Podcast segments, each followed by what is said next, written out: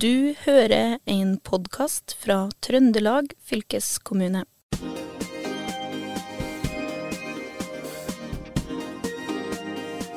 Den dagen her har jeg gleda meg utrolig til, for det er eh, den første sendinga vi har av Fylkesbåten, historie fra Trøndelag, etter vi hadde samisk språkuke forrige uke.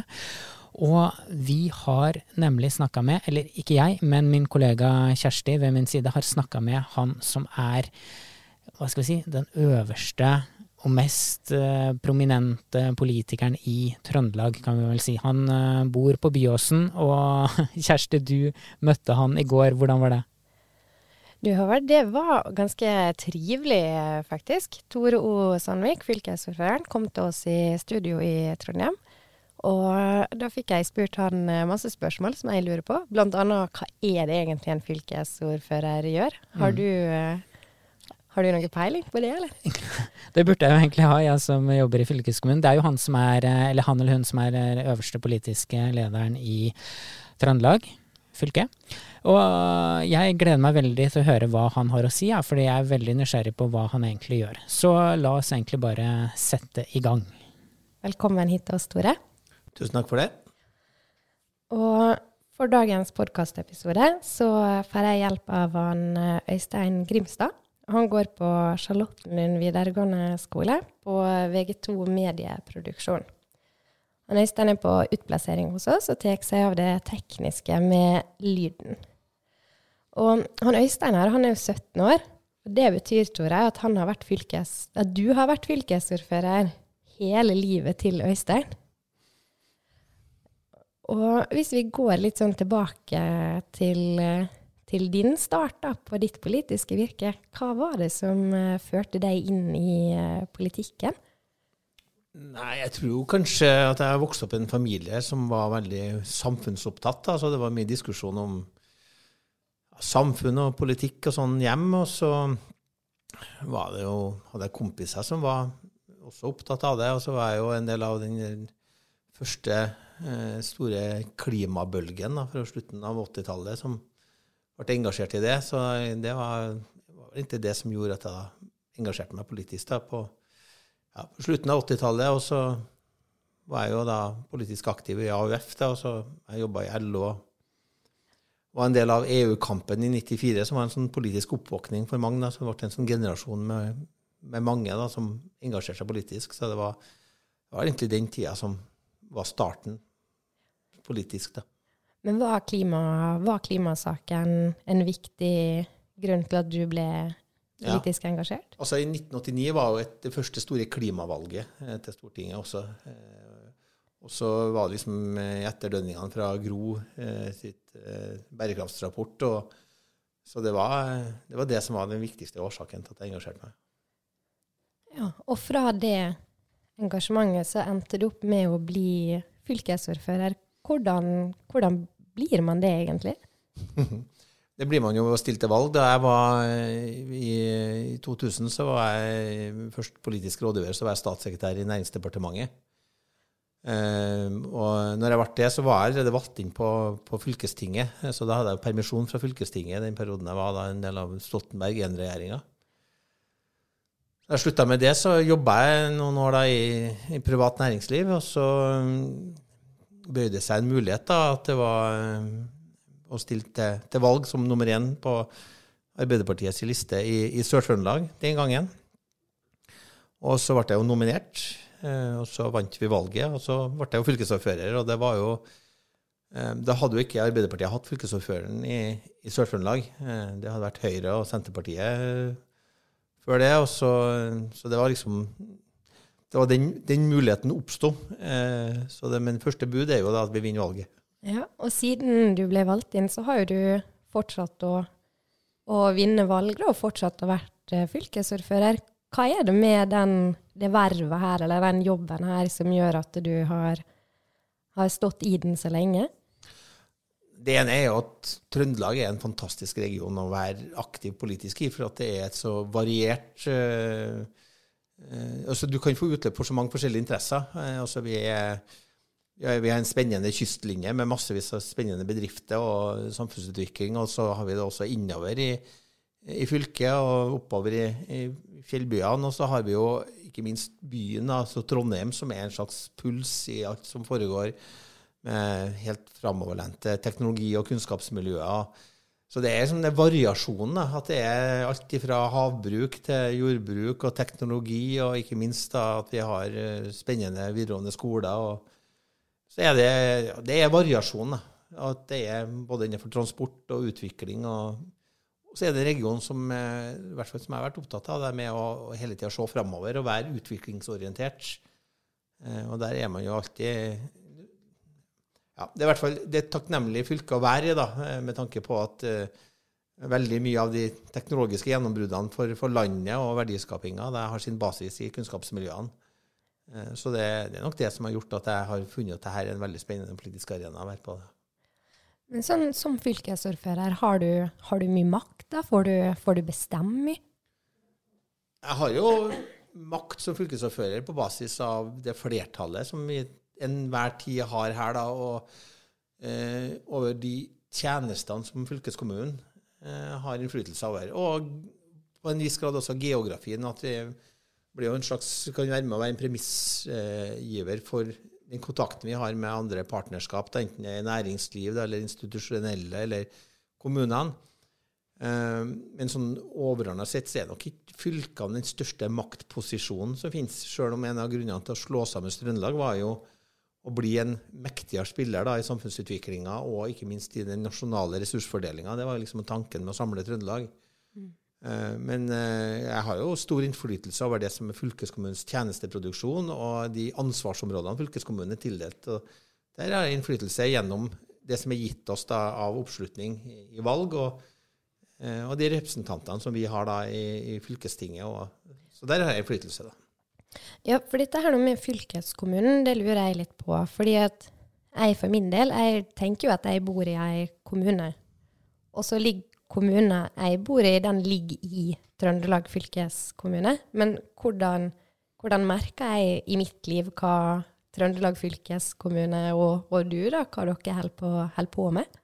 Altså Det viktigste i folks liv er nok kommunene, fordi at de er så til stede alt fra barnehage til uh, skole og kommunale veier og uh, ja, omsorgsproduksjon eh, knytta til, til, til, sykehjem og andre. Men også fylkeskommunen merker man jo stort sett som innbygger direkte i kraft av de tjenestene vi har. Altså at vi har ansvaret for, for fylkesveier. Det er jo 6000 km fylkesvei. Eh, i Trøndelag, eh, og eh, knytta til kollektivtransporten. Enten, altså mest i distriktene så er det jo skolekjøring, men i byen da, i veldig stor grad da, så er det en del av transportarbeidet. Og så merker man det når man skal til, til, tannlegen før man blir 19, eller før man blir 20. da, for Fylkestannlegen er jo en del av fylkeskommunen. Og så eh, merker man det nok i den generelle samfunnsutviklerrollen som vi har da, at vi, selv om det ikke er direkte, så er det jo at vi påvirker jo retning. Vi setter ambisjoner for Trøndelag etter å ha forankra det hos næringsliv, hos kommuner og andre. Eh, der er det mer langsiktig utvikling. Da, hvordan, hvordan retning tar Trøndelag? Hva er satsingsområdene til Trøndelag? Hvordan samspiller vi med andre aktører? Eh, kanskje spesielt knytta til næringsutvikling da, opp imot kunnskapsmiljøene våre. Eh, men i det daglige så er det nok tjenestene eh, når man er i kontakt med det. Syns du, syns du, det er viktig at fylkeskommunen kommuniserer ut til innbyggerne hva, hva, fylkeskommunen holder på med, eller er det mer, er det mer kommunene sin jobb å ha kontakt med mannen i gata? Så lenge fylkeskommunen er et folkevalgt organ, så er det viktig at folk vet hva som prioriteres. Da, for man skal jo velge retning på Trøndelag. og da er det viktig at man vet hva fylkeskommunen gjør, og det er viktig at man også vet hvordan fylkeskommunen prioriterer, eller vi politikerne prioriterer å bruke ressursene. Vi bruker jo 6-7 milliarder, milliarder, kroner i året, eh, og i en valgperiode så er jo det ja, nærmere 30 milliarder. Så det er jo klart at det er jo ressurser som påvirker i stor grad eh, hvordan retning denne regionen skal gå i. Eh, og hvis demokratiet skal være reelt, så må folk også vite hvordan vi bruker den makta og innflytelsen vi har som politikere. Eh, men først og fremst i det daglige så er det jo at tjenestene virker, og da er det jo de ansatte i fylkeskommunen som er det viktige. Du, nå um, har vi kommet litt inn på dette med politikk, og du er jo politiker og er jo en profilert uh, person. Uh, og jeg lurer litt på hvordan det er. fordi at um, nå for en stund siden så så jeg vår nye statsminister, Jonas Gahr Støre, og han gikk på gata og ble intervjua. Og da gikk det to tilfeldige karer forbi, og så roper han ene sånn til Jonas Jonas, jeg er skikkelig skuffa over deg. Og da lurer jeg på hvordan, eh, hvordan er dette for deg? Hva, hva, roper folk til deg, Tore? Nei, altså det er ikke så, altså For det første så tror jeg det er veldig få som gjør det, da. Eh, Sjøl om det kanskje merkes sånn. Jonas er ekstremt mye mer kjent med meg og har mye større påvirkning i, i folks liv enn meg. Så jeg tror nok også, Der tror jeg nok at ordførerne i de små kommunene er mer kjent. da. Jeg merker det litt sånn når hvis jeg, bor jo, jeg og Rita bor jo på Byåsen begge, så hvis vi er på, sammen på butikken, så er det liksom um, Flesteparten kjenner jeg Rita vet hvem hun er. Det er kanskje litt flere folk i dress som kjenner meg, uh, for vi har mye med næringspolitikk å gjøre. Og så er det en del som er i videregående skole. Uh, men jeg har ikke uh, Jeg får veldig sjelden som direkte tilrop og sånn. Det kan være folk som kommer bort til meg hvis jeg er på byen eller i andre sosiale sammenhenger. Eh, men det er jo generelt for alle politikere så tror jeg nok at sosiale medier og sånne ting der er nok terskelen lavere. Så det er flere som mener jeg er en idiot da, når de sitter bak tastaturet, når de treffer meg på gata. da. Opplever du å få noen positive tilbakemeldinger? da? Ja, masse. Det gjør vi jo. Det tror jeg de flesteparten politikerne gjør. Og sånn er flesteparten av norske folk. De er rause, og de er opptatt av uh, å gi hyggelige tilbakemeldinger, motiverende tilbakemeldinger. Men så er det jo også sånn at folk kan jo være uenige, og sterkt uenige i ting vi gjør. og da benytter de jo anledninga til å si fra om det òg. Så er nok terskelen blitt litt lav, da, for å bruke større ord, da, og kanskje litt mer utskilling når du er på bak et tastatur, enn når du møter folk på gata. For jeg, min opplevelse er at eh, det norske folk er et eh, raust og positivt folkeslag som da gir gode tilbakemeldinger eh, til de fleste. Og så er det noen som sikkert er frustrert, og som har grunn til det òg, som gir beskjeder på andre måter. da. Og jeg, jeg, har et, eh, jeg, har jo et inntrykk av deg, Tore, at du er en litt sånn sosial type. Det virker som at du liker å møte folk. og nå er jo vi på vei ut av ei tid der vi har sittet veldig mye bak, bak, tastaturet. Vi har ikke fått møtt, møtt så mange. Hvordan, hvordan har det vært, vært for deg? Det har vært eh, veldig kjedelig. Og det er jo sånn at jeg får energi av å treffe folk, og det merker jeg jo at energinivået blir lavere av å sitte bak en skjerm på Teams, og eh, det er bare det å lede møter eller det å holde foredrag eller innledninger. Du får mye mindre energi når du møter folk. Jeg har sagt det, vi har jo hatt sånne, har sagt at det, i fylkestinget så har vi skilt mellom psykiske og fysiske møter. Og sånne psykiske møter er vi ganske lei av. Eh, vi har behov for å møtes også fordi at det er mye som blir til av løsninger, og det er mye som avklares over kaffekoppen og i småpraten. Og så er det jo, sjøl om vi er forskjellige partier, så er det jo veldig kollegialt på tvers.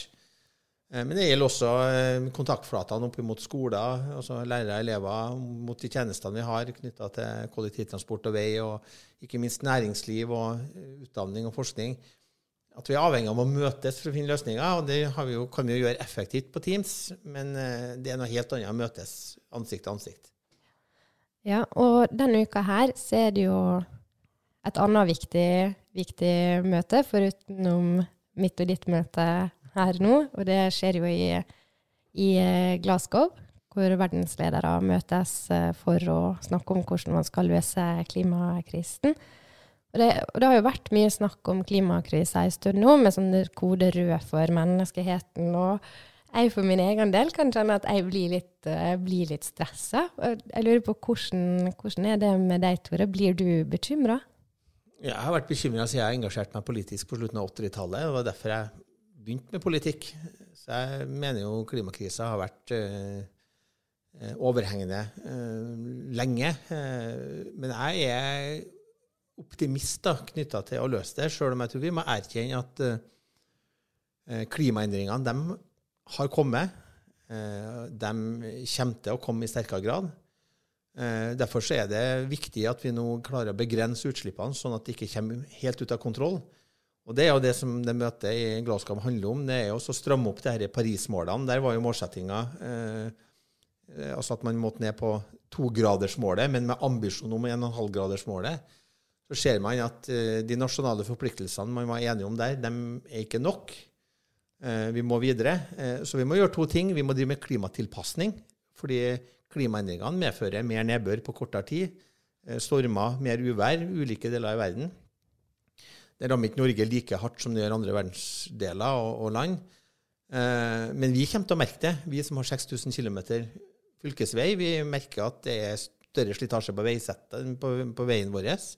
Vi merker at det blir varmere i været. Vi får mer hurtigvoksende eh, planter langs veiene som som må tas ned, altså grøfting da, altså i grøften, for å ivareta trafikksikkerhet.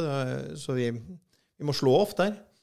Eh, og vi vet at bruene våre utsettes i større grad for, for flom, og stikkrenner som da skal lede vann under veiene, de overbelastes. Så vi må både drive med klimatilpasning, samtidig som vi må snu utviklinga, sånn at vi da kutter utslippene. Eh, og så er jo Norge vi er jo veldig heldige på mange måter. da. Vi rammes mindre av klimaendringer selv om vi får utfordringer med det. Og så er vi i veldig stor grad et fornybart samfunn. Eh, men vi er et rikt samfunn, så vi forbruker mye. Så vi får omstillinger her òg. Eh, men jeg tenker også at vi er et land, og vi i Trøndelag ikke minst, er en region som kan bidra mye med nye løsninger.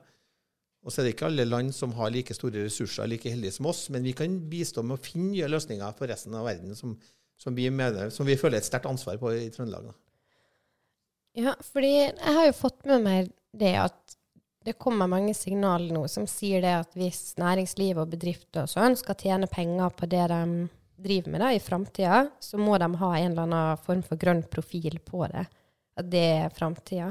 Og hvordan, hvordan, ligger vi an her i, i uh, Trøndelag? Er vi, er vi klar for det grønne skiftet? Ja, Trøndelag er klar for det grønne skiftet. Og vi er, som jeg sa, altså vi er heldige.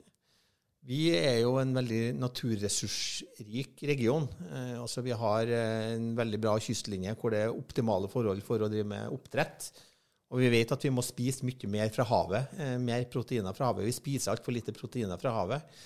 Eh, kanskje kan vi bidra mer der med også å spise mer plantedyrking i havet. Eh, vi må fortsatt også eh, drive med mer, få mer oppdrettslaks, og vi må lage teknologier som gjør at de også kan drive med det andre steder i verden på en bærekraftig måte, der du hensyntar eh, eh, altså naturen sine tålegrenser. Eh, men så har vi også vi er rik på skog, vi har et rikt jordbruk. Eh, og så har vi da også eh, industribedrifter som må omstille seg, men som samtidig er en viktig del av det grønne skiftet. Så den største utfordringa for Trøndelag knytta til det grønne skiftet tror jeg kommer til å være kapasitetsproblemer. altså vi, til, vi mangler folk. Det var jo ei som skrev når vi samla Trøndelag fra Spydeberg, som heter Astrid Hermstad, som skrev at det er altfor få trøndere i forhold til behovet. Og det er jo litt artig sagt, sjøl om ikke alle i resten av Norge er enig i den beskrivelsen. Så er det jo likevel sant, fordi når jeg møter ordførere, når jeg møter rådmenn eller, fylkes, eller kommunedirektører eller utdanningsinstitusjoner, næringslivsledere og ledere for ulike virksomheter, så er det det de mangler arbeidskraft. Og vi har, eh, vi har jo satt som målsetting at Trøndelag skal være klimanøytral i 2030. Og det skal vi bli ved å både kutte utslipp, ved å fange CO2, men vi skal også opprettholde bosetting, eh, og vi skal tjene penger på det. Eh, og det krever da den omstillinga at vi har nok arbeidskraft som passer til de oppgavene. Og Det er den største utfordringa vår. så Det merker vi allerede nå, sjøl om vi har vært gjennom en pandemi hvor flere eh, bedrifter og virksomheter har ja, sagt opp folk eller permittert folk. At når vi er på vei ut av pandemien, så er det kjempestor mangel på arbeidskraft. Både innenfor omsorgsyrker, vi mangler lærere, vi mangler eh, fagarbeidere. Eh, for det grønne skiftet er i stor grad et praktisk skifte. Så vi, vi, vi, har mangel på folk, og det betyr at vi må både bli mer attraktive for å få flere av studentene til å bli igjen. Vi må bli flinkere til å få flere gjennom videregående skole, til å få lærlingplasser, til å bli fagarbeidere. Vi må få flere til å bli sykepleiere og omsorgsarbeidere. og Vi må også ikke minst lykkes da, eh, med å, å, fylle på med kompetanse. og Da må vi også utnytte den arbeidskrafta vi har, ved å gi dem påfyll som voksne. og Det er også innenfor fylkeskommunens ansvarsområder. Er en kompetansereform for voksne for å sørge at, vi, at folk som da har arbeidsreserve og arbeidskapasitet, kan bidra i de behovene vi har innenfor eh, arbeidslivet i Trøndelag. Um, fordi når det gjelder dette med det grønne skiftet og hvor, uh, hvor en bor, så får jo jeg fort inntrykk av at nei, klimaomstilling eller nei, disse klimagreiene, det er noe de holder på med i, i byen, liksom. Men hvordan, hvordan, ser det, du det? Du, som, uh, du har jo litt oversikt over Trøndelag. Får vi med, får vi med oss distrikta på det grønne skiftet? Ja, på mange måter så tenker jeg at trykket egentlig, og omstillingsevnen er større i større grad i, i mange av distriktskommunene våre. For der er mange av løsningene vi skal ha knytta til det grønne skiftet. Altså vi må fange mer CO2. og det kan vi bl.a. gjøre i, i, jord eh, ved å bruke eh, biokarbon, som gjør at du binder mer CO2 i matjorda. Eh, det kan vi gjøre ved å drive skogen mer offensivt. altså Vi kan ta ut mer tømmer. Det er jo på en måte en slags CO2-lager å bygge, bygge, i tre, sånn som vi i stor grad gjør i Norge. Men hvis vi da bedriver skogen mer effektivt og planter tettere, så er det større CO2-opptak. Vi kan gjøre det ved å dyrke mer i havet, altså mer eh, makroalger, som både kan brukes til å lage biodrivstoff, men også til å kanskje utvikle protein til havbruksnæringa, eh, som den fanger CO2. Så Trøndelag er veldig godt posisjonert for det, og i stor grad i distriktene i Trøndelag. Derfor er det en veldig viktig del av det grønne skiftet å opprettholde bosetting. For hvis vi skal høste av matjorda Trøndelag er jo en matregion. Eh, hvis vi skal høste av eh, havbruket, eh, hvis vi skal høste i skognæringa, så må det bo folk der. Og Derfor så er det å opprettholde bosetting en sånn nøkkelfaktor å få til. Og så er det I byene så er det i stor grad så må vi jo bli flinkere til å ikke slippe ut knytta til transport. For her kan vi jo ha en mye større høyfrekvent og høykapasitets kollektivtrafikk. Så derfor så blir det mye fokus på det. da, på på buss og, og, gå og sykle mer i, i byene, der du, du, kan gjøre det. Uh, men uh, jeg tror sånn, Trøndelag er liksom samspillet mellom storbyen og resten av kommunene. Og Det er det som gjør oss litt unike at vi har en storby med et veldig framoverlent uh, teknologi- og kunnskapsmiljø som kan utvikle nye løsninger, men i, men i samspill med de praktiske bedriftene som vi har over hele Trøndelag. Du, Tore, dette her med at du snakker om liksom de, alle de teknologiske framskrittene som, eh, eh, som, vi gjør, det er jo noe jeg ofte har hørt deg, eh, hørt deg prate om. Men jeg lurer på, er det, er det noe mer som skal til for å løse klimakrisa? I stor grad så må det være en del teknologi inn i bildet. Eh, altså det er jo en ting bare å si at Utslippsfri transport er teknologiutvikling. Eh, det å, å, jobbe smartere nå, Vi har jo et nullvekstmål når det gjelder biltrafikk i, i Trondheimsregionen. Altså at vi skal ikke ha vekst i biltrafikken. Selv om byen vokser med nesten 3000 mennesker i året, og enda mer hvis vi tar med nabokommunene, så skal det ikke kjøres mer bil.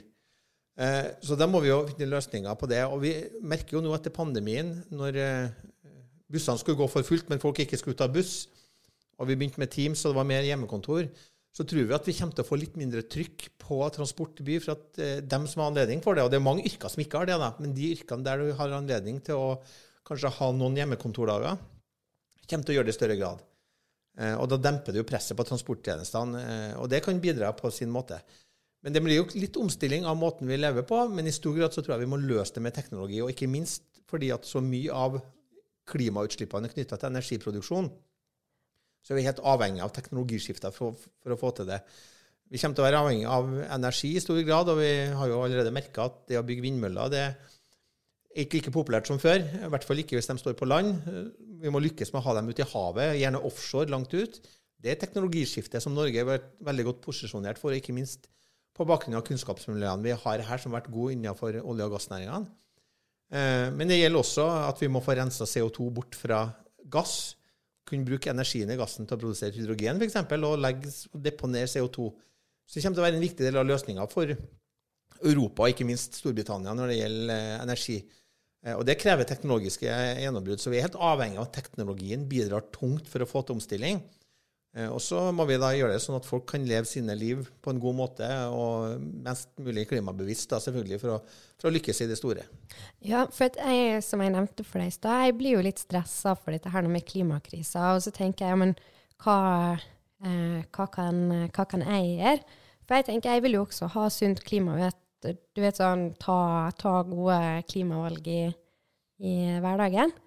Uh, og så lurer jeg litt på hvordan hvordan gjør du det? Har du mye sunt klimavett i, i hverdagen din?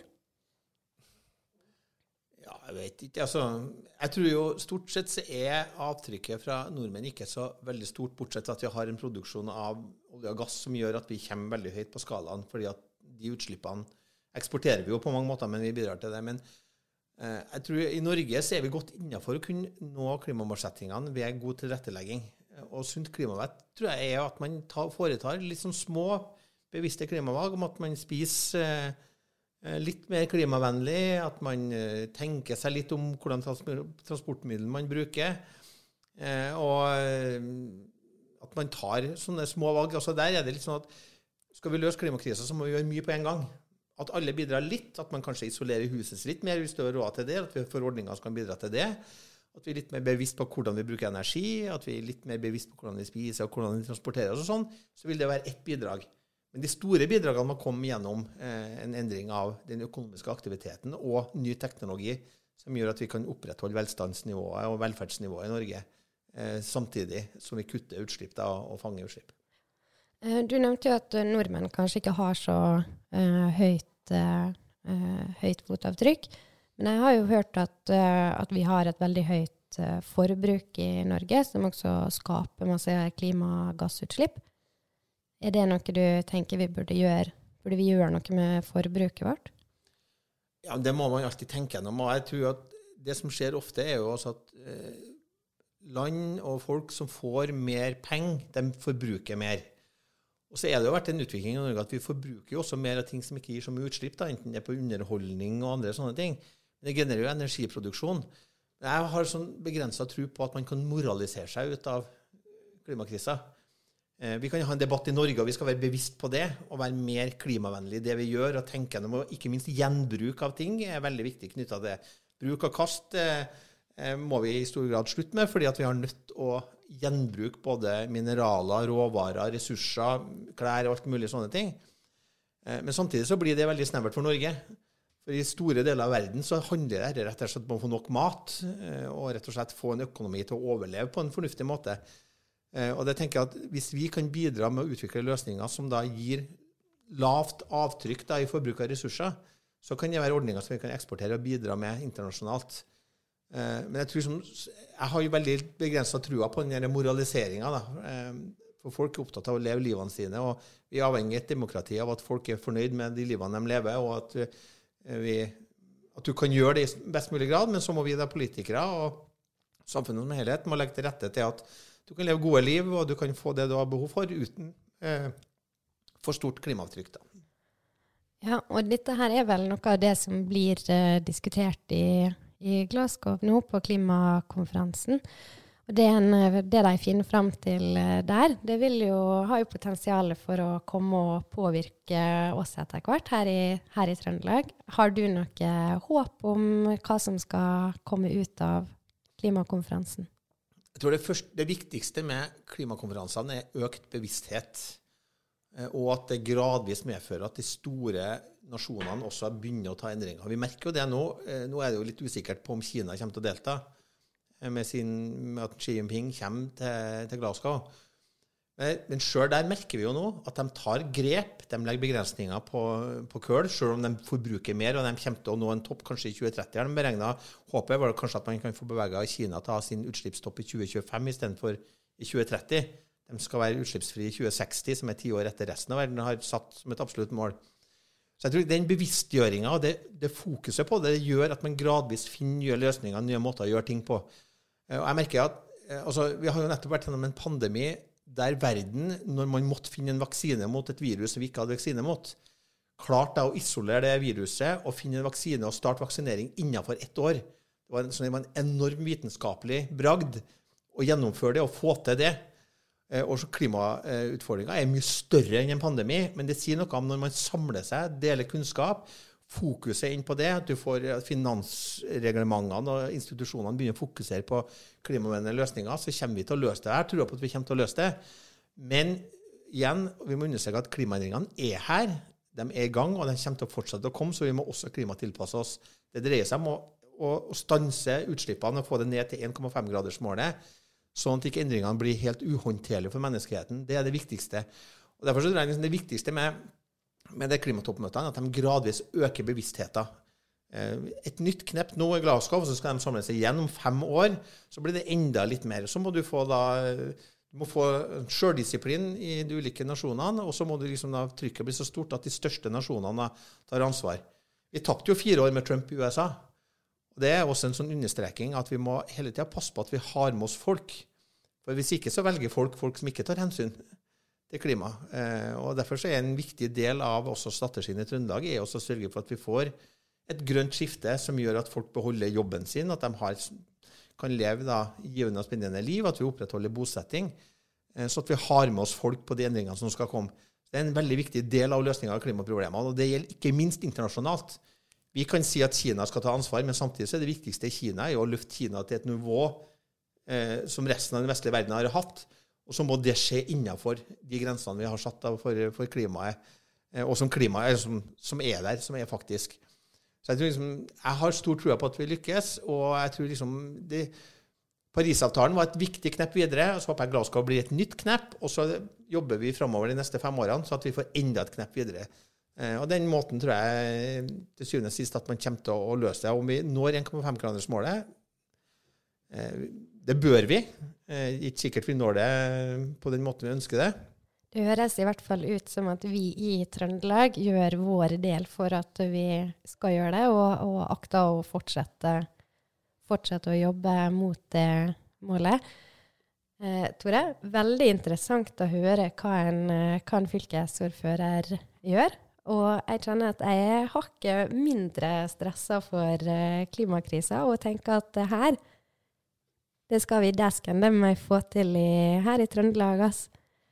Og med det så tror jeg vi skal avrunde. Tusen takk for at du kom, kom hit til oss. Takk for det. Du har eh, hørt en podkast fra Trøndelag fylkeskommune. Hør flere episoder på Spotify eller trondelagfylket.no.